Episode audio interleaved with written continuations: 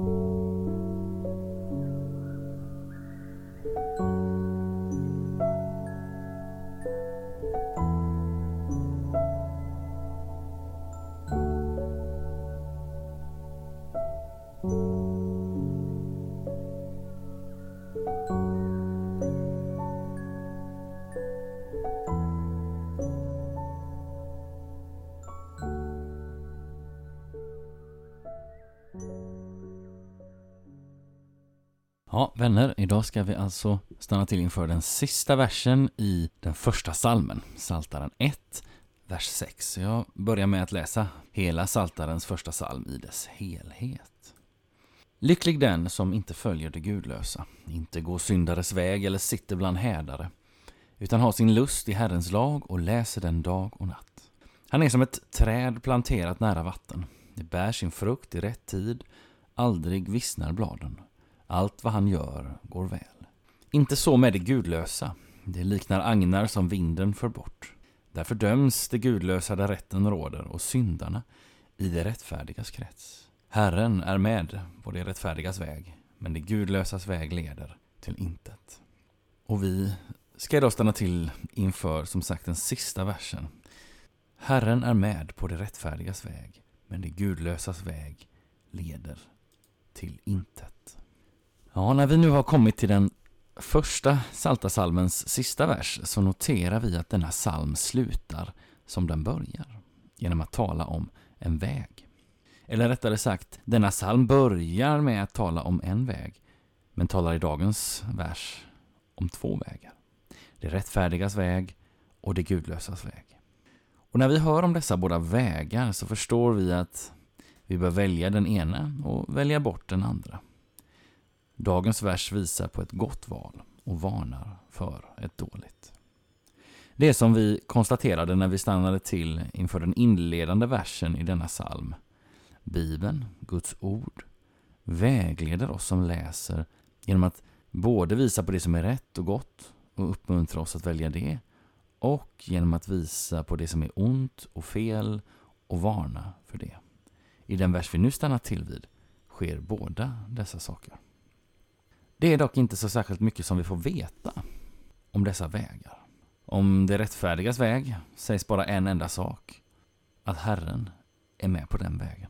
Det står ingenting om att den vägen skulle vara lättare att vandra än andra vägar, eller för den delen svårare.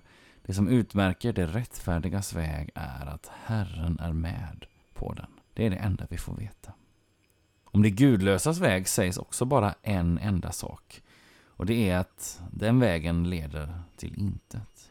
Vi får inte heller om denna väg någon information kring vad som kännetecknar den eller hur det är att vandra på den. Det enda vi får till oss är vad som är denna vägs mål. Och det är tomhet. Vi läser att det gudlösas väg leder till intet. Också Jesus talar om att vi människor ställs inför ett val mellan två vägar. När han säger till oss så här, gå in genom den trånga porten, ty den port är vid och den väg är bred som leder till fördärvet, och det är många som går in genom den. Men den port är trång och den väg är smal som leder till livet, och det är få som finner den. Det här säger Jesus i Matteus kapitel 7, verserna 13 och 14. De där båda vägarna beskrivs alltså av Jesus med lite andra ord. Han talar om den väg som leder till fördärvet och om den väg som leder till livet. Vi får veta att den port och väg som leder till fördärvet är vid och bred, medan den port och väg som leder till livet är trång och smal. Det vill säga, det tycks vara lättare för människor att välja den felaktiga vägen än att välja den väg som är rätt. Och så talar ju Jesus också om en port. Bilden växer med andra ord och det verkar som om det nu helt plötsligt blir två saker att hålla koll på. Både en port och en väg. Då är det gott att tänka på att Jesus visar oss både porten och vägen. Det gör han när han visar oss att det är han själv som är dessa båda saker. Jesus säger om sig själv att jag är grinden. Den som går in genom mig ska bli räddad. Johannes kapitel 10, vers 9. Och jag är vägen, sanningen och livet. Ingen kommer till Fadern utom genom mig. Johannes kapitel 14, vers 6.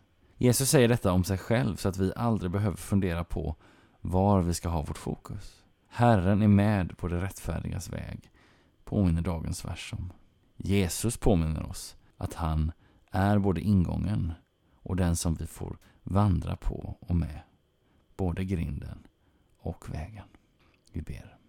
Alltså tackar jag dig, käre himmelske Fader, för att den port och den väg som leder till det nya livet hos dig, att det är din son, Jesus Kristus. Tack att Jesus säger detta så tydligt. Jag ber nu att det skulle få bli tydligt också i mitt liv och i mitt inre. Led mig på den väg som leder till dig. Det ber jag i Jesu namn. Amen.